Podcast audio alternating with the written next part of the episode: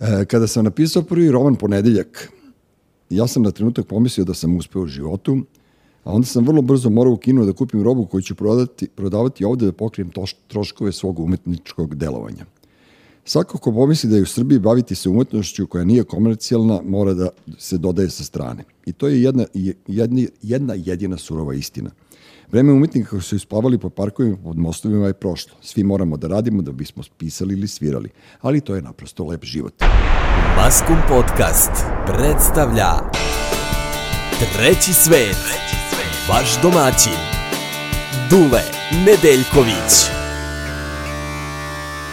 Gost današnje epizode podcasta Treći svet je na moje veliko zadovoljstvo Ivan Bajović, koga sam ja juče e, upoznao i, i, i za dva minuta sam ti rekao, bajke, aj dođi ti kod mene u podcast, pošto sam ja ono, naš, svojim, svojim kako imam, imam neke super moći da prepoznam gotivne ljude. Ono, dobro mi došao, kako si? Bolje te našao, odlično.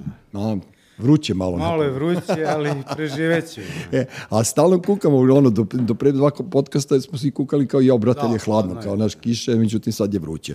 Ovaj, ti si napisao jednu vrlo zanimljivu knjigu, to jest, ovo je druga, ja sam se danas informisao, tebi informisao i kao ja vrteo sam sad tu, ne znam, i po Facebooku i nemam pojma šta, i onda si napisao si knjigu koja se zove Priručnik za e, rock and roll, koja se meni ono izuzetno dopala, ali sam video ono u fazonu, pošto kao ajde sad ja sam, ono, nisam starac iz tvog romana, mrzovoljni, nego mrzovoljni matorac, pa sam video tu nekih par ono kao sitnica koje u stvari urednici po izdavačkim kućama rešavaju, međutim ti si sam objavio ovaj roman, tako? Tako je, ja sam sam objavio roman, nekako mi je uh, bilo lakše da sam objavim roman, bar što se tiče izdavanja kod nas, pošto izdavačke kuće uglavnom traže da pokriješ troškove štampe, lekture, dizajna e, i tako to, pa da bi, na primjer, roman kao što je moj od 100 mm -hmm. primjeraka, da budemo iskreni, recimo traže 1000 evra, a mene je koštao 18.000 za primjer. A čekaj, ko ti traži? Izdavačka kuća ti traži da plati da, da, bi ti izdao? Da, ja njima platim da bi oni izdali moj, moj roman. Ne. Brate, je, on, što mi nemamo izdavačku kuću. On, dobro, i? Da, lepo zvuči, super ideja. Da, da, da. Tako da sam imao s pomoć uh, dragih mojih prijatelja koji su mi pomogli što se tiče lekture, što se tiče dizajna mm -hmm. korica, slike na koricama, Imaš ne, ilustraciju unutra. Nekih tako. ilustracija, da. da recimo neke ilustracije radila strip crtačica Selena Danilović iz Novog Sada, mm -hmm. ona mi je tu pomogla oko toga. Tako da su tu me, meni zapravo prijatelji koji se bave recimo mm -hmm. tim stvarima, ovaj, pomogli, da eto ja ovaj, ostvarim svoj san, da ja dobijem svoj drugi roman. Dobro. Zanimljiva priča, u stvari ja moram da se vratim na početak, Slobodno. kako sam krenuo da pišem. Ja nisam tip koji baš sedi i čita knjige mnogo, mm -hmm. i koji je sanjao da bude pisac. Ja sam bio više u fazonu da imam svoj neki rock band, u smislu da radim, da pišem svoje pesme, mi, mi to da radimo, međutim, taj moj san je propao i negde pre deseta godina sam rekao, je sad je dosta, od toga nema ništa, prodao sam bas gitaru, mhm. pojačalo i rekao, Ćao, doviđenja, vidimo se. I ti si bio ono, iz, iz sekte Burduša, ono, bas gitaristi. da, da, da, da, da. Tako sam ja se ložio da sviram bas gitaru, a realno nemam pojma da ne, ja, da. Pa ne znam ni ja, nego tako je bilo naš raspodel u bendu, ovaj svirao gitaru, ovaj bubnjuje sad neko Neće mora, niko bas. neko mora bas, je ga kao, i on daje si žrtvu, da, šta da, da, da radimo da, ovaj, da. Ali ja sam volao da pišem pesme i nekako sam želao eto, da imam taj autorski mm -hmm. band i to se nije desilo. Međutim, 2015. 2000, 2015. Ovi, sedeći sa drugarima razgovarajući u kafiću, ja sam pričao nešto otprilike kako nema puno filmova na temu mladih rock'n'rolla kod nas, kako ja to volim da gledam i ispričao sam drugaru kakav bi ja film volao da gledam. I on, kakav bi ja film volao da gledam. I on mi kaže, aj kao napiši mi to kao kroz neku priču. Ja to napišem, dam komšiji da pročita i kao komšija koji je pankir, kaže, jao mali, ovo ti nije loše, kad bi to sad ubacio neke dijaloge, znaš, ne bi, kao tu bi bio romančić neki. Ja se vratim kući, nemam pametnije posla. Mm -hmm. Tad nisam radio, zima, pada sneg, ja kao, ajde tu još malo piskarao, piskarao i 2016. opet vratim se kod komšije, damo da pročita i on pročita i kaže, pa vidi, ovo sad nije loše, ti sad imaš roman, što ga ne bi objavio. Rekao, ja, gde sad, mislim, ne, znaš, nem, nem taj plan u životu da budem pisac. Međutim, ajde kad sam već napisao, ajde da pokušam to da izdam i tu sam shvatio da imam u džepu 50 dinara. Nisam zaposlen, nemam primanja, živim kod Kevina Gajbi, klasika. Dobro, on pra, Znaš, pravi si pisac. I kao, hoću da, izdam roman, mislim. Da, da, da. Kao, pazi budale, evo ti šta ona hoće. I pokušavao sam tu slao sa nekim izdavačkim kućama, vamo tamo. Uglavnom, nešto bi tu moglo, ako bi ja tu finansirao to prvo izdanje, naravno toga nije ništa bilo i ja dođem na ideju, setim se drugar koji je inače zakleti rocker, ima štampariju i odem ja sa jednim suludim predlogom i predložim mu da mi on štampa a, prvi tiraž od 100 komada, mm -hmm. pa ja to kad prodam, ja ću njemu da dam pare, jeli? Mm -hmm. Naravno, verovatno čovjek misli da od toga nema ništa, ali ajde kao da... Aj, ortak. Aj, kao da, da podrži da, budalo, volimo istu muziku i tako to, znaš. Ja stvarno, ajde, iznam prvih tih 100 primjeraka, I tu kreće priča da se razvija po društvenim mrežama, mm -hmm. stavim neku cenu, cenu jednog piva da svako može da kupi i tako ljudi počnu da se interesuju ja prodam tih prvih 100 komada, dođem kod čoveka, evo kao, prodao sam, ajde kao da. štampamo 500, on kao, ajde, da smo štampali 500 i da smo štampali još 500, znači da sam tu imao nekih 1000 i nešto. Ti si, brate, tri tiraža imao. Da. Znači, to je to. I on kao knjiga je bila 300 kinti, kao, znaš. Ono, da, dobro, ali, ali ti si da ono može... kao, ali ti si uradio nešto fenomenalno, razumeš, jel ja, ja se prosto, znaš, divim tome i sad kao, znaš, ja koji sam ono razmaženi, uh, razmažen ja pošaljem kao prljav tekst ono, naš urednicima, pa se oni deru na mene, kao baš me briga, otprilike pa me objavljuju i sad dođem do toga da bukvalno, ja, ja sam čuo, verujem iskreno, ne znam da, da postoji to da ti dođeš u izdavačku kuću da platiš njima kintu da bi te oni objavili, zašto, što je to poznat pa label? Ne, ne, Ajde, okej okay, da platiš Laguni nekoj, su, ali... Ne, ali koliko, ja sam došao i u kontakt sa, sa, sa urednicima Lagune, mm -hmm Oni mi nisu nikakve pare tražili, ali čitali su moj rukopis i rekli su mi kao je, nam, nama je uspeh, tebi je uspeh samo što smo ti čitali tvoj Mnogo rukopis. Mnogo veliki, da. O, jel mi imamo kao četiri godine unapred šta da. ćemo da štampamo i sad kao neki tamo nepoznati da. underground pisac koji da. piše o seksu, drogi, rock'n'rollu, mislim kao, kao kome ćemo mi to da prodamo. A međutim, sudbina se tu poigrala malo sa mnom, zašto ja nisam imao urednika, pa sam ja to pisao za svoju dušu. Ja nisam imao predstavu da će to neko da čita. Ja sam tu onako bio dosta, da kažem, otvoren u tim nekim scenama, eksplicitno sam mhm. pisao o svemu i svačemu. Dobro. Znaš, ako nemaš predstavu da će to neko da čita, sve imam predstavu da će neko to da čita, to ta knjiga nikad ne bi... Bila takva kao što sam mislio. Kao što jeste. I onda da. tu se sudbina malo poigrala sa mnom, a s obzirom da u romanu tom prvom ima nekoliko pesama. E, desilo se to e, da je e, reditelj filma Limonovo drvo, pokojni Branko Radoković, snimio jednu pesmu iz mog romana, mm -hmm. a zatim su snimili band Balkan Revival, jednu pesmu iz romana i još jednu pesmu je snimio School Bus, punk band iz Čekaj, brate, ti imaš ladno soundtrack, soundtrack da, da, da, da, da. Fenomenalno, ja da. kao, znaš, kao imam soundtrack čovječe da. za roman. Ti si kod Tarantino jebate, ono, znaš, otprilike to taj fazon, da. Ali ja to nisam planirao, tu, tu kao je počelo da... A zato što si bio iskren, zato, e, vidiš koja je po, e, poenta, poenta u tome, sad ja sam slučajno stariji od tebe, pa znam, e, e ne sramota, nego taj kao, znaš, samo kontrola i, i, i samo cenzura mnogo koče umetnike. Znaš, I onda ti da nisi bio tako opušten u toj prvoj ruci, što ja kažem u tom prvom romanu, verovatno danas ne bi sedeo ovde. Znaš, nego bi ga ti, ti bi se kočio, pa da ti bi nešto, znaš, ono, prepravljao, pa bi ispravljao, pa bi bio u fazonu da li sam dovoljno korektan, da li sam politički korektan, da li nekog vređam, da li ne vređam. Ovako, kad istreseš sve na papiru, trpi sve. Yes. Znaš, i ono, najbolji romani svetski su je pokazalo da su oni koji su bili zabranjeni svoje vremena. Znaš, i ono i, i, ono i francuska scena, i nemačka scena, i, i engleski romani, i sve. A meni je mnogo drago, zato što, kažem ti, ja kad sam čitao meni je ovo super, zato što nisi me vratio u mladost, nego, nego, nego nekako si spakovao si radnje ovog romana u moj kraj. Mada ovaj dečko dolazi iz uh, Gornjeg Milanovca, tako? A što, što, što si imao potrebu da, uh, da ga uprovincijalizuješ kad je on užasno urban? Mm, zato što ja dolazim iz jedne prigradske sredine, Dobro. iz Grodske. I pa dobro, to naš si je. To je naš, ali dobro. tu, tu si, znaš, ti si tu negde na ivici, znaš, da, da, da, da. negde i tu si i nisi. Dobro. Znaš, I onda tako da i prvi junak u prvom romanu i u drugom romanu su ljudi koji dolaze sa, sa tom nekom idejom ono u veliki grad kao što je ono Kurt Cobain došao iz nekog malog mesta, došao u Seattle da bi negde ostvario svoje snove, znaš. Da. Ali to je verovatno nešto ono podsvesno što se nalazi u meni, zato što sam ja tu negde na ivici i onda kao, to je, to je ta priča. Dobro, moraš da budeš svestan da su najbolji bendovi, ajde, što se muzike tiče, došli iz, uslovno rečeno iz provincije.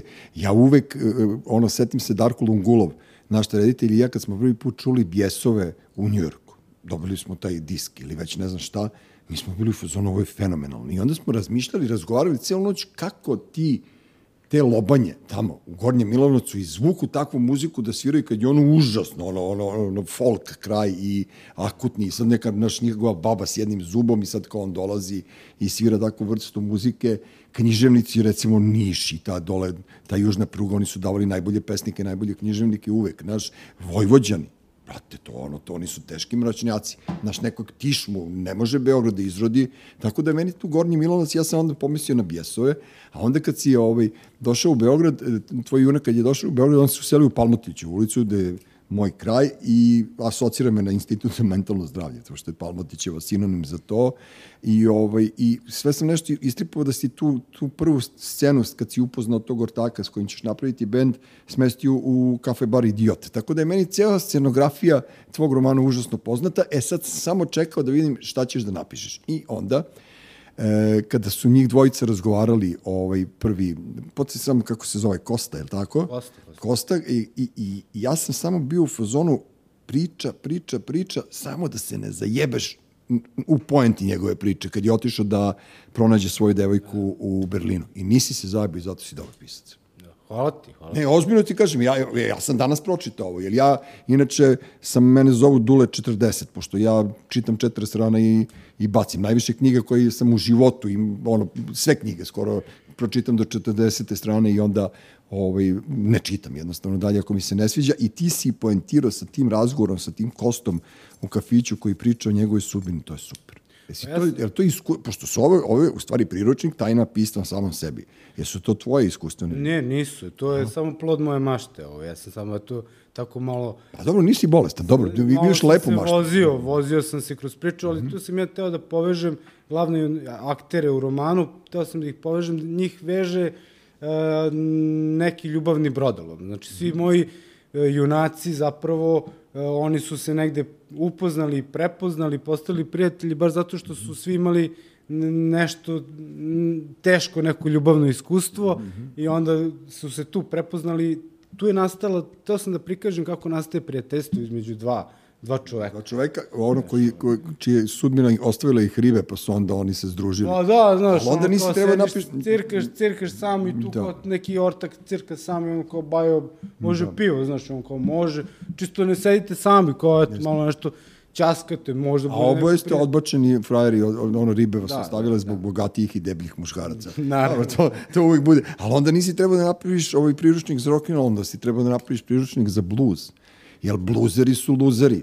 Mislim, to je neka moja, znaš, ono kada ono jedna jednom te ne, ne, ne, pa onda ispričaš ceo svoj život kao i guslari što su radili pa, svoje vreme. Dobro, znaš, ja kad kažem rock and roll, ja tu podrazumovam sve od bluza, roka, panka, heavy metala, sve to nekako rock and roll bubanj, bas i da. glas. Znaš, Imaš ti ovde fino, ono, znaš, počeo si skromno kao sa linijom spida, pa si došao malo do, do, ja, do jačih momenta. Sve vreme osjećam jednu, jednu, jednu ono, ono, e, iskrenost i jednu skromnost i jednu, jednu jako lepo vaspitanost čoveka koji piše ovo. I meni to ono, znaš, ja, ja nikada, neverovatno potpuno da ja nikad nikog ne hvalim, ali ti si mi nekako ono, znaš, e, drago mi je da, da, da si uspeo da izvučeš to, e, ja bih želeo da što više ljudi kupi. E sad, kako vi ti prodaješ te knjige? Pošto evo, ja stvarno kao s Marsa da sam pao, ja ne znam šta radiš. Ja ih kad... prodajem preko moje stranice priručnik za rock'n'roll. Dobro. I preko mog Facebooka, uglavnom se tu ljudi neki jave kad vide objave, ono kao da li može knjiga, može, ja im to šaljem besplatne poštarine, šaljem kao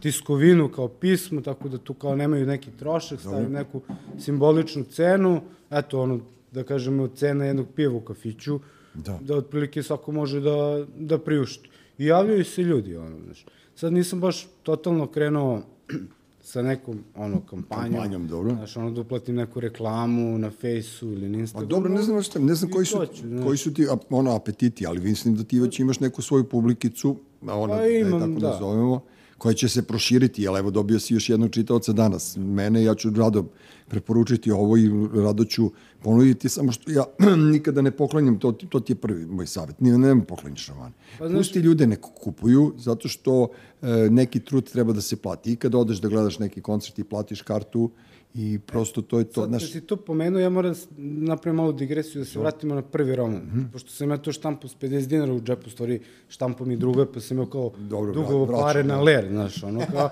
I onda, da, pošto da. imam puno prijatelja, ja sam svima rekao, uh, ja dugujem pare za knjigu, za štampanje, ne radim nigde, jel vama mnogo da date 300 kinti kao da kupite Naravno knjigu, da nije, podržite drugara. I oni kao, kao nije, znaš. Ili ako ja sad dam jednom, ovaj drugi će se naviti što si Jeste. dao, ja nisi dao meni i tako, i tako je to krenulo između mojih prijatelja, da oni kupuju i ja sam i zbog toga se stvorila ta neka atmosfera, onda su se počeli javljati ovaj, totalno nepoznati ljudi i ono kao želim da kupim knjigu, kako mogu da kupim. A još luđe priča za prvi roman, ja nisam to završio. Dobro. Znači, Uh, još luđe priča, ja, ja sam to preveo na engleski jezik. Ja sad imam ideju, zašto ja ne bi našao izdavača u svetu? Dobro. Još luđe priča. Dobro. I kao nađem ja o, jednu prijateljicu koja mi je prevala roman za simboličnu neku cenu. I ja krenem da tražim izdavača i sedem kući, slao jedno dva meseca mailove, javi mi se neki tipovi iz uh, Melbourne, koji su bili zainteresovani da izdaju roman, ali u elektronskom izdanju. I slučajno pogrešim mail -hmm. i pošli mail kulturnom centru iz Maribora. Dobro. I oni kao, ko si ti, šta si ovo, ono, ja sam taj i taj, pa kao šta hoćeš, preko, znaš, imam roman takav i takav, preo sam ga na engleski, kao hoću znaš, da nađem nekog ko bi to mogu da pre, prodaje preko Amazona, kao kaperam tu ima puno ljudi koje bi zanimala ta tema, kao pa mi izdajemo knjige i direktor kulturnog centra iz Maribora dođe u Beograd, mm -hmm. postoji se da imamo neke zajedničke prijatelje i ja mu predložim, eto, kao, i da objavimo roman na engleskom, a da oni to prodaju preko Amazona, kao to je neka rock'n'roll tematika, nema puno tih romana, i on kaže, može. Ko super, ko može. Da. I, ovaj, I malo nas tu korona zeznula, mm -hmm. da izađe 2019. izašao je 2021 kao u prevodu kao rock and roll playbook. Aha. I znači on kao brate imam roman na, na engleskom. I nisam ništa platio, mislim. Dobro, aj si prodao su, nešto na engleskom. Oni, oni su, oni prodaju nešto, Aha. su, nisu prodali puno, na svaki šest meseci mi šalju kao... Ti vi kako ti je krenulo, ti ćeš završiš na kraju Peppersima da sviraš basi. pa ne, ono super. A e, ti si 1983. E, godine, da Kada si rođen, ja sam bio u vojsci. Dobro, a to nema veze ni sa čime, to samo ja onako naš, ponekad da, da pokažem sam sebi da, da sam još uvijek živ. Ovaj, baviš se rok novinarstvom, je li tako? Tako je. Ja sam nekako, uh, kada sam napisao prvi roman i kada sam teo da ga negde prezentuje pred mhm. ljudima, ja sam naišao na neki, kao kažemo, medijski zid, jer prosto nisam u toj priči, nisam znao gde, šta i kako, kome da se obratim, na koji način da se obratim, totalno sam bio u, u, turu, u tom smislu nepismen, znaš, ono, nijedan portal, ni, no. znaš, kako da ja sad da prezentujem svoj roman.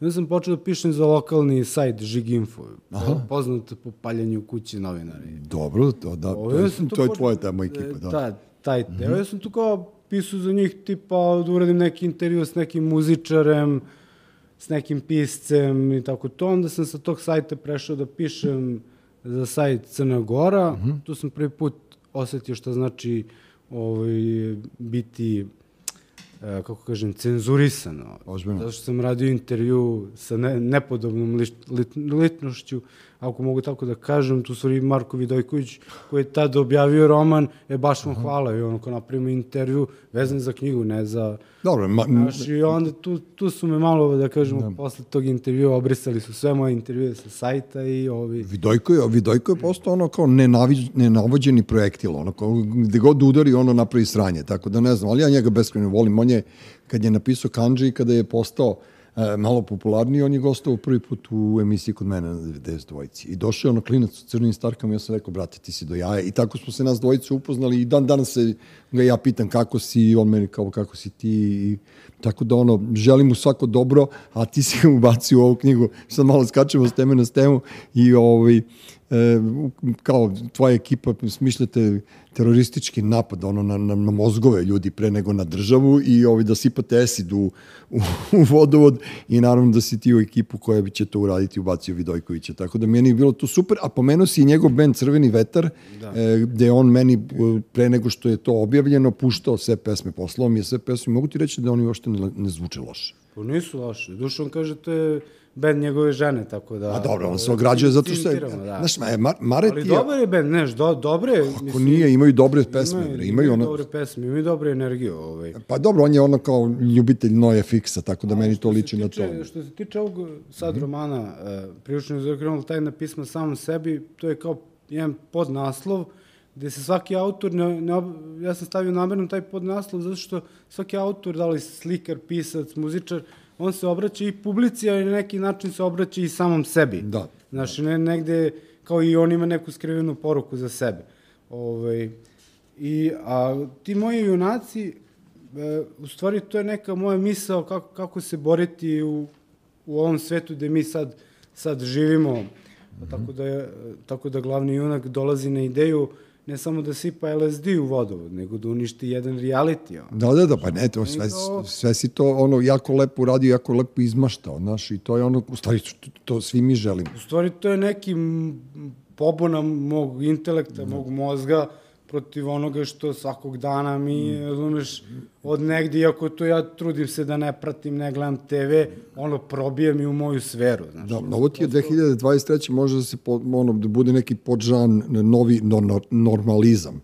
Znaš, jer svako ko je normalan može da se ovo identifikuje zajedno sa tvojim junacima, pošto je prosto ono, to rušenje tih reality fazona i sipanje u vodovod LSD-a penzionerima, onako, znaš, vrlo, vrlo jedna gotivna želja, nije to ništa ono, ništa to nije loše, ono da naš neke babe se nagute sidima pa da vide da svet nije baš crn, nego i ljubičast malo. Znaš, tako da, da je to to. A reci mi, čekaj sad još jednu stvar da te pitam. Ja kad sam bio klinac, ja sam isto počeo da radim e, prikaze koncerata. Moj prvi prikaz koncerta je bio benda Duh Nibor, e, sa akademije. To je Igor Pervić, pokojni pevao u tom bendu i ta rubrika se zvala Bili smo na koncertu i ja sam je na studiju B u ritmu srca kao prezentovao i sećam se moje treme kao naš, kao ja idem gledam to i sad kao kad odeš na koncert jel gledaš kritički ili koju muziku slušaš uopšte? Pa ja sam sa heavy metala prešao na punk. I ne, nekako sam ta, taj, da, da, da. znači ono Metallica, Maiden i Megadeth u mladosti, onda sam nekako sam sve više bio stariji, stariji, ovaj, nekako sam više prelazio na punk, a pošto sam to krenuo da pišem, uglavnom da radim te intervjue sa, sa muzičarima, ovaj, sad, na primjer, pišem za sajt neki rok, povremeno, duše kad imam vremena, o, i više sam baziran na te domaće bendove. Znaš, na neku, neku... Ali ima scena uopšte? Ima, ono? ima, postoji. Pa ne, znaš, ono... veruj mi da ja nemam pojma, ja sam se bavio ono ranije i, i muzikom i organizacijom i koncerta i demo top liste sam radio i sve, ja sad sam potpuno se pogubio. Jel moja deca koji imaju 15-13 godina, oni su, brate, ono, crni cerac i, i te ekipa, ja to ne mogu da ne mogu da pohvatam, ne mogu da pohvatam niti još uvek toga, nisam nešto, ne znam, staromodan ili nemam neke predrasude, ali prosto, znaš, ja bih volao da ta gitaroška scena, jel postoji uopšte? Postoje, recimo bendovi Pogon BGD, koji je negde, da kažem, u poređenju s ritmom nereda. Mislim. Mm -hmm. on, on, ja, ja kažem za njih da su novi bend, ali oni postoje 10 godina. Znaš, A to je taj problem, što ja ne mogu da pohvatam. Kao... Znaš, niko nije više mlad, pazi, ti imaš 40 godina. Da, da. Znaš, ja kao, aj, klinac, ono, ne znam, pita me neko ko će danas, i kažem, neki klinac, super je. Da je klinac 40 godina imaš. Znaš, tako da ja, ta vremenska kapsula u kojoj smo mi svi uleteli u ovoj Srbiji, brate, nije, nije baš najnormalnije, znaš, kao da, da ti sad krećeš kao neko ko ima 15 ili 20 godina, to kao samo objavljaš sam sebi roman, eh, pišeš kritike eh, grupa, eh, radiš intervjue sa nekim muzičarima ili piscima, znaš, ti kao da počinješ sa 40 godina. Ovde je sve nešto nenormalno. Umesto da već sad budeš etabliran, ti tek sad krećeš. Pa tu, tu je, ima dosta tih nekih, recimo između prvog romana i drugog romana prošlo je 5-6 godina. Da. Ali ja za tih 5-6 godina morao sam da idem na posao pa da dobijem otke. Ja sam, ja sam ono radnička klasa, mo- moji roditelji su radnička klasa, Da. ja sam radnička klasa. Znači ja moram da idem na posao, moram da se vraćam s posla, moram da budem umoran, moram da nemam pare, moram, znaš, ono kao, Da, sve, dok se ja bavim tim temama, ne stižem da se bavim ovim temama koje volim, znaš, i onda parcijalno, ono, kao kad uhvatim vremena, uredim neki intervju, dopišem nešto za roman, e, sredim korice, pa onda tri meseca ništa ne radiš, jer moraš da se cimaš. Ali šteta je pošto si 100% uspešniji u ovom poslu nego u bilo kom poslu koji radiš. Ozbiljno ti kažem, znaš, jel, znaš, kao to je, znaš, kao, kada, želim ti da jednog dana ti se okrene u ovu, ovu korist, da tebi bude hobi ona radnja u kojoj smo se juče našli, a da ti ovo bude glavni posao, ne da ti ono bude glavni posao, da ti bude sporedna radnja. Ali, znaš, onda da bi došao do toga, ja moram ono neprekidno to da guram. Sad, bitno je da kreneš, pa nema veze, ono, da li će to sa 50, 60 godina, bolje sa 60 godina dođem na taj nivo da živim od pisanja, nego, nego sad da kažem, a nema tog ništa, neću da se smaram s tim da gubim vreme. Ne, tu ne treba da se gubi entuzijazam, naravno, znaš, ono što si stariji, to si bolji i bit će ti sve više i više, jer, jer to će ti biti ono input da, da živiš i da radiš nešto. Nego, ali sad ta scena, gde se vi skupljate, gde izlazite vi, gde, je li ima neko mesto gde se svira? Pa, trenutno Zapa baza, Zapa bar. Dobro? Znaš, tamo se, ono, dobri su koncerti, dobra su dešavanja. Ima ljudi uopšte. Pa ima, ima, Stvarno? ima, ima. Bili su bjesovi, e, njih sam slušao sad skoro, Mile Kekin, ovaj, on, sad je, o, pošto više hladno pivo ne postoji kao da, band, to sam čuo da je ono kao... pa je onda sad on kao u nekoj solo ka karijeri, pa onda sad su svirke tu u Mhm. Zapa bazi, Jel živ Goran Bare? Živi, Živi. živi, mrda, neuništivi. No, kako ga, do- ono, ko, ono, kao ona lutka na koncu, on meni tako izgleda. Neuništivi. Da, da, da. Ja sam slušao Majke pre jedno par godina, bio su fuzon, ovaj neće sići iz bine, međutim vidim da je još ovaj uvijek mrda. Mile Kekin, um, novi ritam nereda je izašao, ja mislim da je to nova ploča ove 2023. Oni kidaju. Ali oni su nešto već ono u ozbiljnim godinama, znaš kao... Jesu. Ne, ne, mene interesuje da li 20-godišnji klinci imaju rock and roll bendove. Da li Ja sam sad 20-godišnji skoro klinci bio sviraju u punk. Urmusu, ja sam sad skoro bio u Urmusu, ovaj, bilo je neko humanitarno veče, svirali su između ostalog grbave tange, jedan prijatelj koji je stand-up komičar i onda je napravio, napravio je band koji je onako vrlo, vrlo zanimljiv. Super, super. I bili su tu jedno, tri, četiri benda mladih, da kažemo, ono, 15-16 godina i vidi se da, da tu ima ljudi koji hoće, klinaca, da, koji, znaš, e sad, sad je tu pitanje istrajnosti, ti moraš tu da budeš istren, da vežbaš, da želiš i to traje godinama, znaš, a mi živimo u eri gde je sve na klik, ono, dođeš kao, klikneš i kao komp ti napravi pesmu. Kao, Da, da, da. Pa dobro, sad imaš ono veštačku inteligenciju, možeš da pišeš knjige na dnevnoj bazi, da. samo im ubaciš bilo šta i onda to vozi, vozi dalje. Ubaciš tematiku i on ti piše. Da. A, je, a čekaj, se zabada do ujutru, ili imate ono klubove neke? E, Pa iskreno Ja sam ovaj mrzovoljni starac iz tvog romana, ja sam ono prestao da izlazim, prestao sam da cirkam pre dve godine onda meni potpuno ono svet se promenio. Iskreno ti kažem, ja slabo cirkam, baš kad moram, ono, Baš kad... Baš kad moram, da. moram, I meni isto ovaj, to da bilo. I nekako, znaš, ono, kad nisi redovan, već tu je Ispadaš dva, dva piva i to ti to, razumiješ. Da, da, da, da, da. I nekako sam tu do 12, pola 1 i ajmo kao lagano kući. Taj fazon. I tu sam, znaš, ono, kao, nekako ili, ili godine ili obaveze, i, znaš, ono, kao ujutru moraš ideš na posao i ja sam zaboravio, Da. kako to izgleda kad dođeš kući ono u pola sedam istuširaš se i onda odmah odeš na posao i opet radiš ceo dan bez problema, znaš. Naravno, da, ali dobro, to, mlad, to guro ćete jedno vreme još, pa ćeš ono, e, desi se samo jedan prekid u, u, u tome, pa onda nastaviš po starom. Naš, telo se navikne na novu brzinu. A reci mi ovo što imaš, izvini, ovo što imaš na Facebook stranici kako e, predavanje online, jel to ti radiš? Da, da, ja sam, ja sam rešio, pošto eto, sam sam i radio... uh, Ne, ali ti radiš fenomenalne stvari. To je neverovatno da, da ja recimo nisam čuo, ne, nisam čuo, nego da, da nisam obratio pažnju na, na, na neko ko je toliko, toliko lepih stvari radi. Znaš, evo, to predavanje online, ti organizuješ kurseve Pa da, stvari. pa da, znači ko želi, ko... ima dosta ljudi koji bi objavili knjigu, ali sad ono treba da uradi prelom stranice znaš, u Wordu, amo tamo, to su neki sitni detalji, ali dok ti neko ne pokaže, ti ne znaš. Naravno. Ja sam prošao kroz tu priču samo. Pa, ajde kažemo, neka lektura, pa neka opšta ideja oko pisanja, pisanja romana. Ali najbitnije ti je inspiracija, ali tako? Ti Dobro, možeš da imaš prvo storytel, ono da... Prvo da imaš to, pa da razradiš, pa onda da ideš na ove tehničke detalje, ono prelom, korice, ovamo. Vidiš, ti si ovo super napisao. Kako i zašto napisati roman? Prvo, predavanje inspiracija, kako napisati roman i sadržaj romana. Znači, tu smo, tu sad ti nam objašnjavaš, u stvari, polaznicima tvoje škole objašnjavaš šta je najbitnije, u stvari, to je srž. Da. Drugo je lektura, to je već on najdosadniji posao na svetu. Tako da, znaš, kao dizajn korica, to je najinteresantniji posao pored pisanja i prelom stranice, to ja nemam pojma.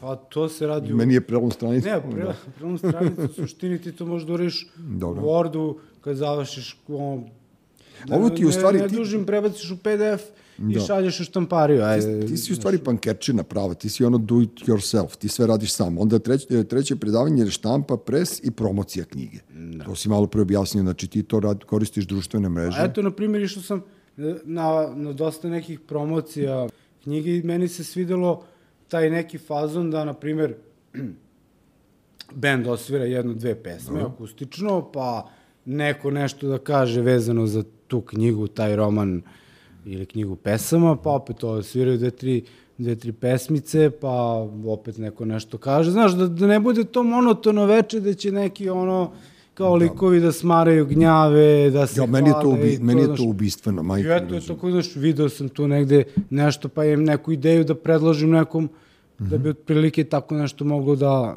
da napravi, da ne bude mnogo dosadno, monotono, opet da bude funkcionalno, da ti predstaviš to što si napisao. Imaš ceo fazon taj artizam, recimo Ana, Ana Rodić je čitala sv, ceo svoj roman, e, e, kako, zaboravio sam kako se zove, e, čitala je dole u KC gradu, ceo roman. I sad ona je krenula da čita roman od 200 strana i ja sam bio u fazonu, ovo je normalno, neće, neće izdržati, međutim ona je počela, ti dođeš kao dođi bajko vamo, pa onda ti čitaš 10 strana, pa onda uvati mene, ja čitam 20, pa nekog, i onda se to isfuralo i to je trajalo recimo 3 sata. Kao jedan malo duži film. Da, I to je bio potpuno genijalan event. Majke mi, ja bih volao strašno puno da, da se to dešava. Pokojni Pera Ložač, naš drugar, on je čitao ponedeljku u Drinčićevoj ulici u Kornetu kod uh, Pavla Ćosića, on je čitao uh, iz svojih omiljenih knjiga delove. I tu se skupilo 20 do 50 ljudi svakog ponedeljka i to je slušalo. Publika postoji. Pa publika postoji, ali bitno je da tu postoji i druženje, neka interakcija, znaš, ono, da nije to samo ono kao došao si u kafić i seo si, popio si piće i čao, doviđenja, znaš. Mm -hmm. Ipak tu postoji neki vibe između njih da se taj stvore. Sad, da li će to da bude oko čitanja knjige svakog, svakog ponedeljka ili će da bude veče, ono kao večeras gledamo neke kultne filmove, pa svakog ponedeljka kao puštamo neki kao kultni film, pa tu počne da se skuplja određena ekipa, već posle dva, tri, recimo, ono, tog događaja, ti već prepoznaš te ljude, u, polako se upoznajete i suština jeste da vi počnete da se međusobno družite. Da se grupišete. Da se grupišete. Naravno, da. I onda dobiješ svoju publiku. E, znaš šta je još jednu stvar da te pohvalim? E, dobre su ti scene seksa. Znači to, ja znam puno urednica, ono, baš urednica, ne urednika, koji često imaju komentare, ja, brate, ka, ja bi se ispovraćala kako je on napisao, a to se radi o, recimo, pisu koji je dobio Ninovu nagradu i tako dalje i tako dalje. Ali ti si totalno ono kao to, nekako ono, urokerio, to je ono naš nekako se podrazumeva, kao da je to naš, da, da, da to nije normalno kao naš nije ona misionarska poza, pa kao okrene se svako na svoju stranu. I meni je to kao bilo super. Majke, znaš, I onda kao kapiram da, da čovjek koji tako nešto napiše, on ne da nema blama, nego zna da napiše. I to je to. Znaš, onda, onda, znači, ne stidiš se toga, jel, ono, baš to smo pričali za prvi roman, ako si nešto nesvesno uradio, sad si za ovaj bio svestan. Da, za ovaj, si pisao? za ovaj sam bio svestan. Da. Tako da ono, znaš, samo udri po ovome, dobar si, samo što me to ono sad nervira strašno ta, ta priča oko tih izdavačkih kuće, prosto ono, A dobro, to je, je to, fazon znaš, u e, piču, ono. recimo, meni kulturni centar iz Slovenije objavio roman, normalno, ono, kao ja sam njima dao tekst, oni su našli lektor u Americi, da bude to u tom slengu, da se to prodaje tamo, oni su radili korice i tako dalje, da. tako dalje, štampali knjigu i oni jednom u šest meseci meni pošalju presek stanja, prodali smo toliko i toliko, ti dobiješ od svake knjige toliko i toliko i to je to. I meni je to kao super, to je da. normalno. Znaš.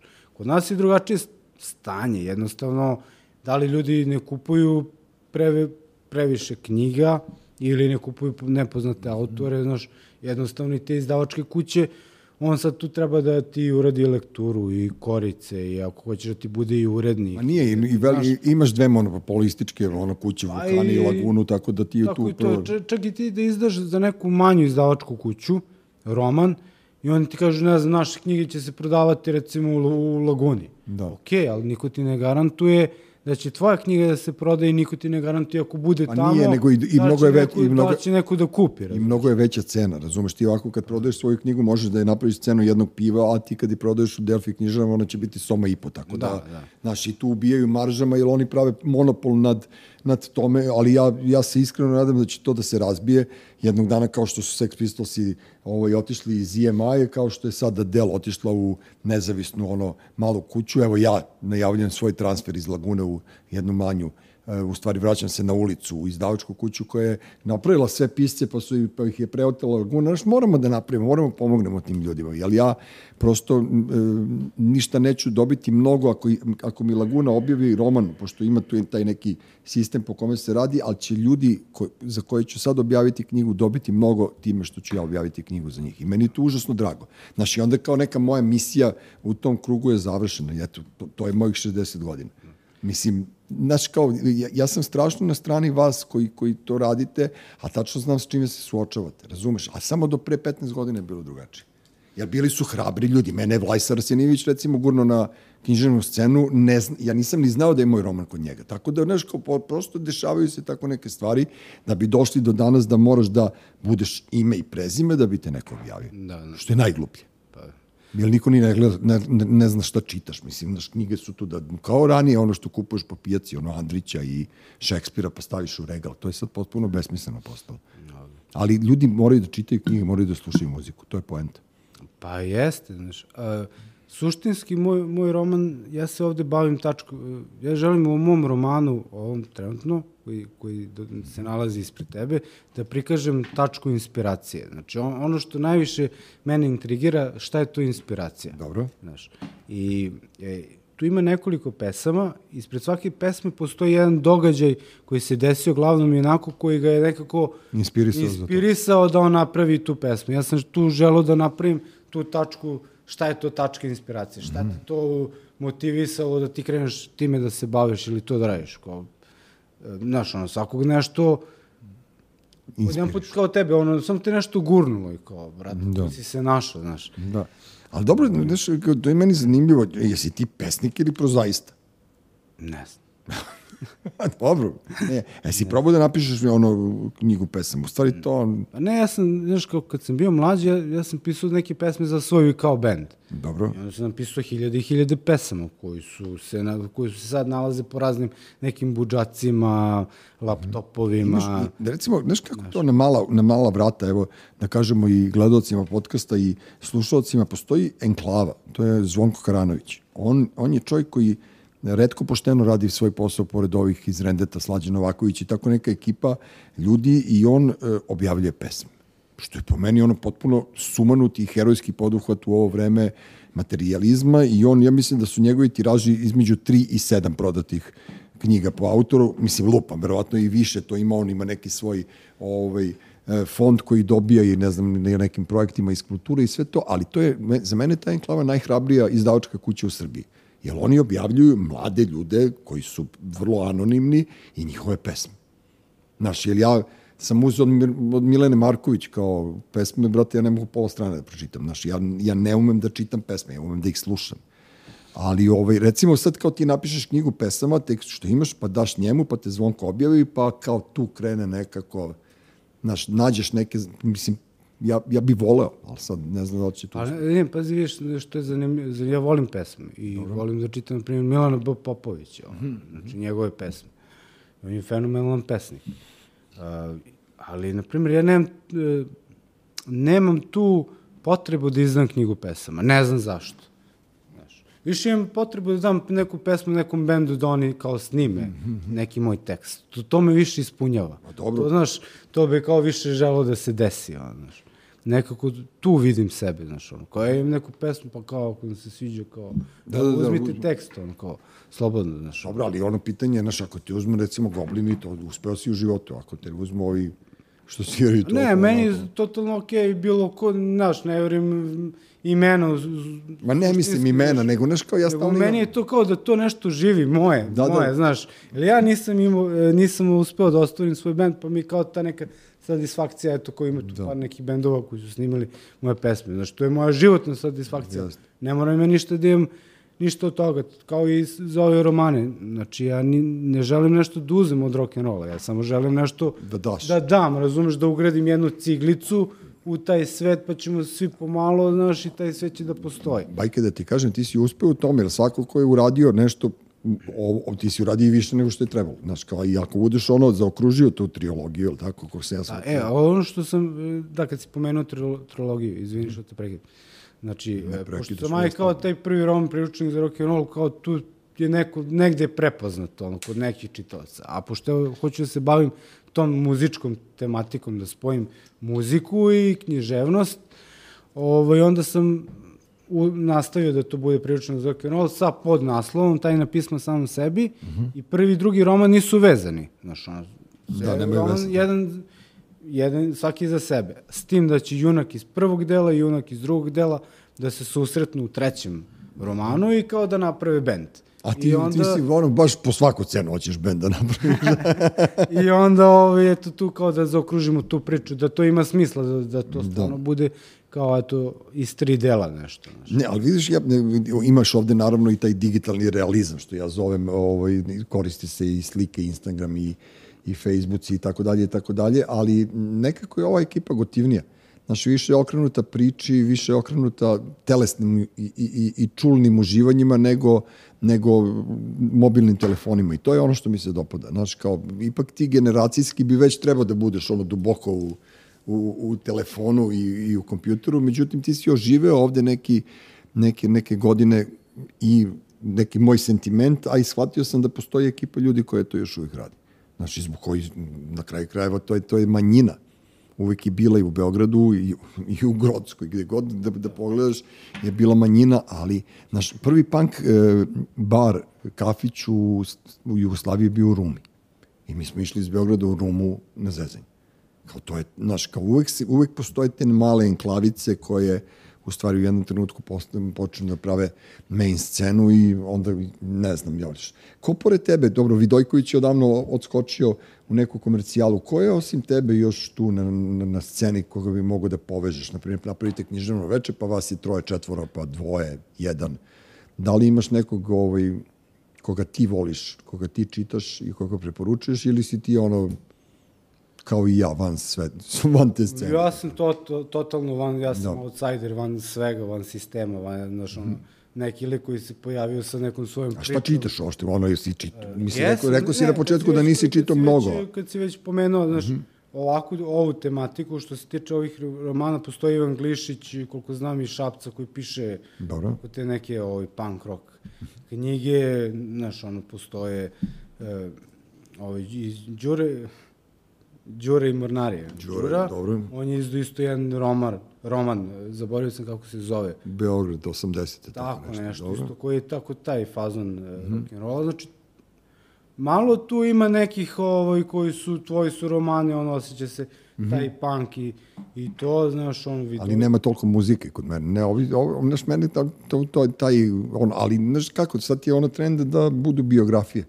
I onda e, ljudi znaš, kroz biografije ovaj, ostavljaju taj... Mene su malo, recimo, knjiga koju ja obožavam, to je biografija pevača Peppersa, znaš. A, to je knjiga koju ja preporučujem svima. Naravno. Ali to, ta, za tu knjigu treba imati želudac. Ma dobro, To je baš su... ono knjiga, mislim kao ovo moja priča, ono, kao krenuo sam s 50 dinara i onda sam na kraju objavio roman kao mm -hmm. nešto za tržište Amerike na engleskom, a krenuo si sa 50 dinara i Anthony Kiddis je ono u jednom trenutku čovjek ono spavao na poslu pored fotokopir mašine. Da, da. Pa i oni fli, oni, da, oni su ekipa sa ulice. Znaš, pa cijela ta LA scena ti je bila ekipa sa ulice. Ali, znaš, ono, kad ne foliraš, nema veze što ti nisi dobar, nema veze što ti nisi da. savršen. Ti ako budeš ceo život čekao da budeš savršen, ma, kao toga nema ništa, nego ono, kao najbolje ti da kreneš, pa već ti, će ti se neko ono kao pridružiti Normalno. tom A kad si, kad si me pitao već šta volim, eto, volim, tu bi knjigu preporučio, preporučio. Žive rane se zove. Žive rane, da, da, žive rane, a i recimo Bog i rock and roll monaha Arsenija Jovanovića, to je autobiografska knjiga, jeste ona teška, ali pazi, ima, ima, znaš, ima taj rock and roll, mislim. Ti kažem jednu stvar, sad ću da te razočaram. On je jedan od najvećih uh, izdajnika naše ekipe. On se tu toliko nalupetao da je to neverovatno nešto, pošto sam ja bio svedok tog vremena i ima neka osvetoljubivost kod njega koja meni ne prija. Ali okej, okay, ti si pročitao Mislim, i... ja ne znam, tebe, ne, ne, ja ti samo kažem, evo, razgovaramo, znači nije ništa drugo, on se toliko nalupetao, naročito što se tiče Gere Slikara i, i, i, i članova Ekaterine Velike, da je meni bilo malo onako loše. Vide se da je osvetoljubiv i da nije baš toliko bogoljubiv kao što se predstavlja, međutim kao taj bog i rock and roll imaš opet s druge strane imaš bucu bubnjara e, discipline Iceburna i orgazma koji je sada e, ono pop i koji ono i dalje ostaje jedan jako pristojan čovjek s kojima možeš jako lepo da pričaš o toj duhovnosti i ovo, ja sam razgovarao s njim pre jedno desetak dana baš na Novom groblju i on mi je rekao nama ostaje samo da se saberemo. Naš, naš nas je ta sabornost. E, sad ja i ti kad se saberemo, bit će dobro i, i svi ljudi koji misle kao ja i ti, bit će dobro. Tako da ono, čitajte te knjige, ne, ne branim ja, nego ti kažem samo, evo- sad si, mi, sad si mi centrirao njega, nabacio si mi ga onako... Pa super, ali ne, znaš te, znaš te lepota, lepota je kad ti, ti imaš neko različiti stav, Naravno. u, ali nemoj, ne ubeđuješ me. Nego, Ne ubeđujem te, nego ti samo kažem... Samo razgovaramo, nema. Ar. Arsa Plaviti je bio ono kao i Miško Plavi. Znaš, njih dvojica su bili kao ono, twin, ono, blizanci, razumeš, obojica talentovani, ovaj manje talentovan, i onda je on nešto je prezupčije zapalio je u monahe i ne sviđa mi se što, znaš, e, e, bar čuti. Znaš, ono, kao kad nešto, ne, znaš, nekog, ok da nekog ne voliš, ali nemoj ga pljuvati. Onda je ružno ako ne može taj neko da se brani i, i to ti je ta sujeta koja vladi, vlada u umetničkim krugovima i moje, isto to neću ja da te savjetujem ništa, nego samo kao pazi se glumac. Oni su, to, to, to, to je takva sujeta, brate, da ja ne mogu da ti objasnim. Pazi se, zamislim ti da dođeš na sajam knjiga, da, kao ja, kad sam došao pred 15 godina ruki, pa kao ja došao, kao ja, svi super, ovo ono, brate, kad se ja shvatio da mene tamo pola sajma mrzi, onda ti shvatiš da je to sujeta koja jede ljude i ne može svako da se nosi sa svojim e, mozgom. Razumeš, ti si kreativan čovjek, ti si uradio ovo i ti si ono kao sam stego svoju kožu i napravio nešto, ali veruj mi da te ne vole ljudi zbog toga. Pa, ne, pazi, ima toga, znaš, ja sam osetio tu neki, recimo, kažem, neki bliži prijatelji iz mladosti, ono koji su, ne znam, čuo sam komentare, nisi ti napisao tu knjigu, nego ti je napisao ovaj kao naš drugar što, je rad, što ti radio lekturu. Pa ti on dao, pa si ti objavio, kao, Ne, dobro, što Pa znaš, on kao, daj, kao, ajde, nećemo pretarati. Da. Ove, ali, znaš, Ne, naj, a najveća, a najluđa fora kod pisanja što ljudi nisu normalni. Znaš šta, ono, kad kažu kao ti lažeš u knjizi. Pa, brate, ovo su ovo je fikcija, ovo Da, su da. književni junaci. Ja izmišljam da oni hodaju ulicom, ja izmišljam da oni piju pivo, ja izmišljam da oni karaju ribe. Tako da, znaš, ne znam šta je s ljudima, majke. Na primjer, ja ne, ne, ne pišem autobiografske knjige, znaš, ne da. pišem šta sam ja radio. Ja samo pišem neki moj plod, neke moje mašte koje bi ovaj, bio zanimljiv nekom čitaocu, a da bude negde baziran na tom rock and rollu, na nekim filmovima, ono, i knjigama kao što je Paranoia Las Vegasu, pa da kažemo da smo tu negde, znaš. I sad ljudi ne kapiraju da je to plod moje mašte, kao, ti to hoćeš, ti si to rad, znaš, čekaj druže, Da, da, da, da. stani da ti objasnim, znači ti ako gledaš horror film i ovaj je ubio 500 ljudi, to ne znači da je da je ovaj scenarist ili reditelj masovni ubica. Je. Pa ne, ali... Samo napravili taj film ili da je glumac taj koji je glumio, razumeš, tamo, ne znam, Dobro, ono... naši se još uvek svađaju sa ulogama, ne svađaju se sa glumcima. Znaš, Da, kao neko, da, neko, neko te juri po ulici zato što si bio ko Stevo Žigona, kao evo ga Kriger, kao, znaš, kao ono, to, to, to ti je ta fora. Tako da, znaš, kao ljudi kod nas kao da nemaju, kao da su izgubili jebote kulturu da shvate šta je umetnost. Znaš, kao, zašto bi oni, za, zašto se to toliko personalizuje? Mi smo ljudi maštoviti, zato se bavimo ovim poslom. Nas ta mašta radi na nešto, kao što nekog radi alkohol, kao što nekog radi futbal, kao što nekog nešto drugo radi. Nas mašta radi na to da ti napišeš priručnik za rock and roll i kao, ti si super. Tebi je do jaja.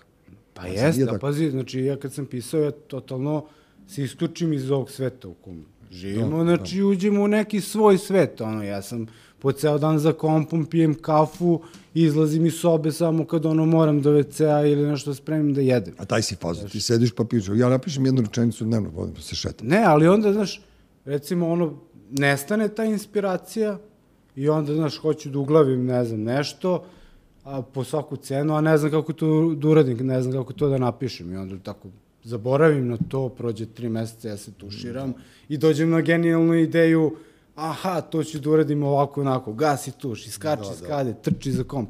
Tu sam primetio da kad ti padne ta neka ideja na pamet, ako ne uradiš, to jest ako ne zabeležiš odmah, Nema šanse. Da se ona negde posle sat, dva, jednog dana izgubi se. A ne, raspravljen si i drugo moraš da znaš da ne treba da ti bude žao teksta. Ja sad tebe kao savjetujem, znaš, ono kao da sam, ne, ja ne pa znam... super što me savjetuješ. Ne, ne, nemoj da ti bude... pisac, ja, ja nisam teo da budem pisac, ja sam slučajno ispao. Ali ja sam znaš, slučajno ispao, nisam ni ja, nego ti kažem samo... Ali ti, znaš, on meni je drago kad mi neko kaže, pravi čovjek ne, ja koji kažem, zna, kad, ja, kad mi kaže da. da je njegovo iskustvo primenim, znaš. Ne, ja ti kažem, samo nemoj da ti bude žao teksta nikada. Ako ti se nešto ne sviđa, nemoj da ga ostavljaš, brate, odmah ga duni sa papira i onda taj blank page koji će da ti se pojavi, razumeš, ono kao prazno potpuno, će ti dati neku novu inspiraciju da napišeš nešto bolje. Ja sam izbrisao jedan svoj roman ceo, e, mislim da je bio rođen iz zli, da sam ja ceo dunuo, ja sam jedno 90-100 hiljada karaktera, mi je nestalo negde. Onda sam ja išao po Zemunu, tamo kod nekog hakera da mi vrati roman, nije mogo. Onda sam ja morao ponovo da se setim uopšte i verovatno je to bilo potpuno suprotno onome što sam ja ovaj, sejvovao kao ili ne znam nija šta sam radio s time. Tako da, kažem ti, sve, sve znaš, u tebi će uvek čučati to. I ti ćeš nekako naći način da to izbaciš ako budeš išao na tu stranu. Ali sad jebi ga, znaš, kao, kako ćeš povezati to sa materijalnim, ne znam, znaš, mora bi malo ono promocije književne, mora bi malo negde da, da, da uđeš živ među ljudi. Meni se ta no. prodaja preko Facebooka na, iskreno ne sviđa. Mislim da postoji ti algoritmi koji tebe u stvari sprečavaju da dođeš do većeg broja publike. Znaš. Pa ima, da. Jel ti meni ne izađeš, ne izađeš mi na mojoj stranici, ja, ja imam ono, ne znam, maksimalan broj pratilaca, pa dok dođe red na tebe, to prođe tri meseca, razumeš, da ja vidim neku tvoju objavu. I o tome se radi. Mislim da Facebook to nije baš super Instagram i recimo bolja mreža za to ali treba to sve sad, aj budi pametan. Pa, znaš, ono, boriš se s oružjem koje imaš trenutno da. u rukama, znaš. A, što se tiče tih promocija knjiga i tako to, ja sam ih zasnivao na, na rock mestima, znači na klubovima, mm -hmm. gde, gde se gaji ta rock'n'roll kultura, gde se organizuju svirke i meni su uvek e, ljudi koji drže ta mesta, da kažemo, izlazili u susret e, i bili su, bili su vrlo da kažem, zainteresovani da kao ajde kao da pravimo promociju knjige, da, no. koja je tematski vezana za to mesto. I tako da meni to nije toliko bilo teško. Išao sam u Vlasotinci, išao sam u Rumu, ne, to kad znaš, izađeš u Brenovac, ono kao, i sad kao ti, ti ono što si ti rekao, kao i ono suda, ima nas ono kao grupisanih po nekim tačkicama, da, da, da. pa počinjemo da se tu kao povezujemo, znaš. Ne, Šabac je super, recimo, Novi Sad je katastrofa, tako da ja znam tačno gde, gde kako, znaš, te knjižnevne večeri, gde kako prolaze. To je, to je nešto e, neviđeno. A moje najluđe iskustvo je bilo kad sam u centralnoj zatvorskoj bolnici čitao. Nas troje, četvoro je bilo, brat, miliono, sa robijašima ludacima. I to je, znaš, kao mi na bini i oni kao, a mi čitamo naše neke romane. To mi je bilo onako super i kao, to mi je bilo jedna od najuspešnijih promocija, pošto sam izašao živo odande. Ne, znaš, kao, pro, prosto smo išli da, na, i na ivicu, znaš, kao, moraš da praviš neku provokaciju, moraš nešto da, da se, ne da napraviš skandal, nego na neki način da kao, otkud znam, znaš, meni je to panker u duši, u meni ne da našto neka, neki anarhizam. Ja bi da razjebem sve to, te konvencijalne stvari, razumeš, kao ja bi bio na tvom mestu ljut, razumeš, zato što ti, ono, kao ti moraš sam sebi da izdaš knjigu, a izdaju neki degenerici, jevi ga, svoje knjige. Onda bi ja bio ljut na to, znaš, ja, ja sam iz drugog vremena potekao, gde se ipak kvalitet cenio. Sad, se ni, sad ni mene ne jebe. Ne, pa pazi, znaš, e, e, ja se ne ljutim, nego jednostavno se borim za, za ono što mi je dato negde nesvesno, koje nisam planirao da uradim, Filti and the Fury. Ja bih vas ono kao sve klince naterao, kao da, da, da se bunite, da preuzmete tu sve scenu, da im potimate sve, znaš, da, da zatvorite knjižare, da otvorite neka svoja kulturna mesta, razumeš, da, da, da napravite, ali nekako se, znaš, razjedinilo, e, mi- mislim da se razjedinilo sve to, da nema više nešto oko čega se skuplja, kao nama što je bila akademija ili KST ili, ili SKC ili tako nešto, znaš, ne, nemaš mesto gde dođeš skoro svako veče i razgovaraš s ljudima bez cirke. E, Razumeš? Da. Jel bitno je to da se ja i ti nađemo u nekoj galerijskom prostoru i da nas dvojica popričamo 10 minuta mesečno, već bi se nešto iz toga ja rodilo. ja tu moram da ispričam oko nešto iz svog života. Ja sam bio mlađi, u Grodskoj postoji jedno mesto koje je kao letnja bina. Tu iza centra i tu, tu se z- okupljala rock'n'roll ekipa. Dobro. I ti sad tu dođeš, sedneš na zidić i ono, čekaš da neko najđe, razumeš, i najđe će neki lik ili neki ortak koga manje ili više poznaješ, koji će da sedne sa tobom, jer vi se tu skupljate, kapirate da ste u istom fazonu i tu ćete započeti neki razgovor i onda će doći njegov ortak, pa tvoj ortak, pa ortak od ortaka i tu se skupi 20-30 ljudi. I mi smo imali to, to da smo se skupljali i ono blejali do 3, 4, 5 ujutru. Međutim, kad je došla ova tehnologija, Facebooci, pametni telefoni, ono, uvek imaš internet kod sebe, počeli smo da se ne skupljamo. Pa to ti Ono, kažem, da. kao Počeli smo da sedimo u kući i kao tu nešto da se dopisujemo. I izgubili smo to, ne, nekako smo izgubili. Znaš, izgubili smo to ono kao opšte mesto Jeste. za bleju. Znaš. Pa ne, ali to, to je ono kao naš primetno na globalnom nivou, ne samo ovde kod nas, tako da je meni jako žao. Ali recimo ti u ovoj knjizi imaš ilustracije, znaš kao da, ono, imaš pesme, znaš kao sve si strpao, sve što treba si strpao ovde, znaš, i onda kao, da li je moguće kao da ne postoji veća publika, da li je moguće da nikog to ne zanima na taj način na koji bih hteo. Ne, jer ne znam trenutno šta se dešava sa stripom. Znaš, kao isto imaš tu nekih ono e, ljudi koji se bave kao stripom, pa kao, nemam pojma kako oni provode. A evo, meni je ovo Selena Danilović, ona je strip umetnica, ona je meni radila neke ilustracije, Dobro. ne sve, neke sam radio ja.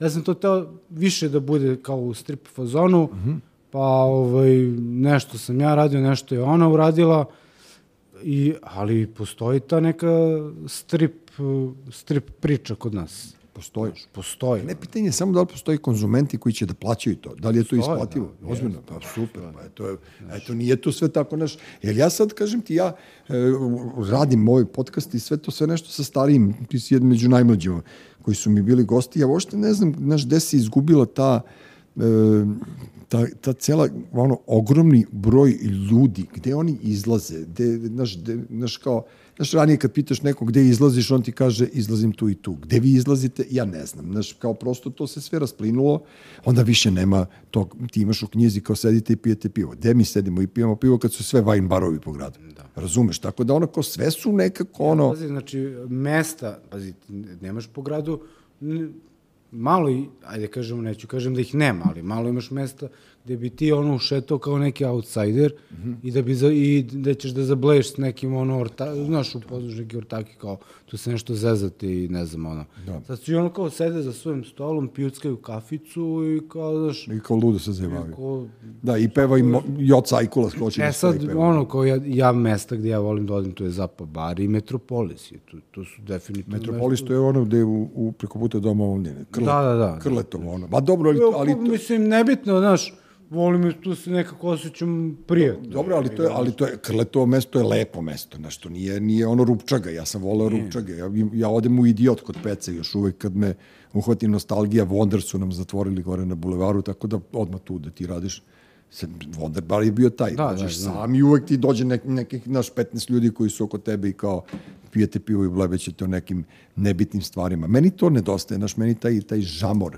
e, i, i dim, kao, znaš, meni to nedostaje strašno, ali mislim da se to više nikad neće vratiti. Pa ne znam, to još živi po koncertima. Da. Nekako to živi po svirkama, po koncertima, još uvek kao taj neki fazon, pa ono kao bjesovi imaju svoju publiku, pa znaš ono, Mhm. prepoznajete se, već znate se, aha, kao desi ovo, pa je ovo ortak od ovoga, pa se upoznaš sa ovima. Tako, znaš, ono, Vranjković ima svoje, Da, da, Vranković je E, super. Da. Mislim, još to postoji po, po Da. koncertima, ali znaš, ono, koncerti nisu, Evo, a ja sad idem, nekako se sele bendovi, mi u- sad u sredu kao menadžer grupe Crna lista, to su loka, ono, beški ekipa, Da. ovo, idemo u, Kragujevac na Arsenal Fest i kao idemo e, minibusom. I ja nisam bio u minibusu sa nekim bendom od kad je Katarina Velika poumirala. Tako da ono kao, znaš, užasno mi interesantno ako idem u Kragujevac minibusom. A onda dođe sin i pita me, a šta, kako, znaš, kao, zašto, kao i kako idete to. I onda ja kapiram da oni klinci ne znaju što znači biti bend, imati bend i biti na turneji. Znaš, i onda kao, ajde, pošto ja ne sviram, ja sam tu neki kao menadžer, ne pojem ni ja, ali mi prija to, taj, taj ceo fazon mi, i strašno mi nedostaje to sviranje, to, znaš, ja gledam po Instagramu, Guns N' Roses sviraju od, od 365 dana, 300 dana sviraju i onda je razmišljam, jebote, kako oni izdržavaju to, onda shvatim koji oni medical team imaju za sebe. Znaš, meni ono, ja što uzmem kafetin, što se ogrebem od žene, to mi je to, ovi ostali, znaš, to ti isto kao i Anthony Kiddin su ovi e, autobiografiji što počinje ona medicinska sestra što da. daje i daje mu inekciju ozona. Lako je njima da budu dugovečni, jebi, kad imaju kintu. Znaš, šta ćemo mi jadni u Beogradu i u Srbiji? Pa ništa, mi ćemo da živimo koliko možemo. Da, mi ćemo na, na, na, na, unuče, na unučetu da budemo. Ali opet negde e, stvari u tome da ti imaš lepa sećanja. Naravno. Jednog dana da, znaš, da se prisetiš kako ti je bilo lepo i da ideš ka tim sećanjima. Ako imaš neka ružna sećanja i da, da su mesta gde, gde, gde se nisi osjećao prijatno, da nisu ljudi bili prijatni, znaš, ono kao ti ćeš se truditi da zaboraviš. I ono kao, brate, otišao si na turneju sa nekim bendom, zezali ste se, da. znaš. Tu više nije ni bitno da, da li taj bend plaćen, nije plaćen, da li bilo, znaš, ti samo imaš u glavi da vam je bilo dobro. Pa ne, to, to, to, ono, što bi, rekli, što bi rekli vi mladi samo pozitivno. Mm. I ne treba se sećati ružnih stvari, jer život je sazdan od lepih stvari, a ružne ostavljamo iza sebe i ne želimo da ih se sećamo. Tako da je to to. Majko, hvala ti puno. Druže, ja, meni, meni je jako, drago mi je da si došao. Mislim, ja sam mislio da ćeš da me odjebeš. Ne, iskren da budem, pošto naš vi klinci umete da budete čudni. Ovaj, znaš, kao, klin, kao, klin. pa ne, ali kao ono, kao, ajmo, matorac, šta ono će, kao i te fore, ali ovaj, e, ja te ne bih pozvao da ti nije Roman ovakav, ja ti ne bih pozvao da ti nisi, da ti nisi ovaj, dobar lik, vidi se po tebi i onda kao, prosto mi je drago da će te čuti i neka publika koja nije baš ono striktno tvoja, nego je i više i moja i, i, i nekako ćeš dobiti neki, neki publicitet i čuće ljudi da postoje gotivni, gotivni momci i devojke poput tebe koji još uvek ono imaju ono kao tu, tu, tu snagu da, da samo izdaju. Razumeš, da budete ono kao ono nas, nastavljači te do it yourself filozofije koje je nas održala i zbog koje smo na kraju krajeva i bili etiketirani pa, kao pankeri. Dobro, hvala ti što, što nas podržavaš u tom našem ovaj A da niste kvalitetni ne bi vas podržao. Da. da tako kažem, ono što da. još postoje ljudi koji održavaju vatru rock and rolla koji ne, ne daju da se to ugasi. I ne treba da se ugasi nikada, nego, ali, ali naš, ne treba svako ni da je drži. Nije, nije ni vatra za svakoga, razumeš ono, i što bi rekao Cane, znaš, kao samo da ne završite neko na krigli, neko na igli, tako da ono kao, ako, daj Bože da doživite naše godine i onda ćemo pričati, onda ćeš ti pričati s nekim mlađim ljudima i davati im podršku da nastave i da rade na pravi način prave stvari. Knjiga Priručnik za rock and roll Ivana Bajovića e, na Facebook stranici tvoje ili na Facebooku nađite. Nemojte da budete seljaci, ne tražite za džabe, nego kupite knjigu da bi čovjek mogao da objavi, a i da pojede nešto, da se časti jedan dan da živi u životu bez plate u, u, iz, od radničke klase. Ovo je bio podcast Treći svet, Uroš Bogdanović, Dola Nedeljković, Ivan Bajković, čujemo se, Bajović, ja se izvinjam, čujemo se iduće subote. Treći svet. Treći svet. Treći svet.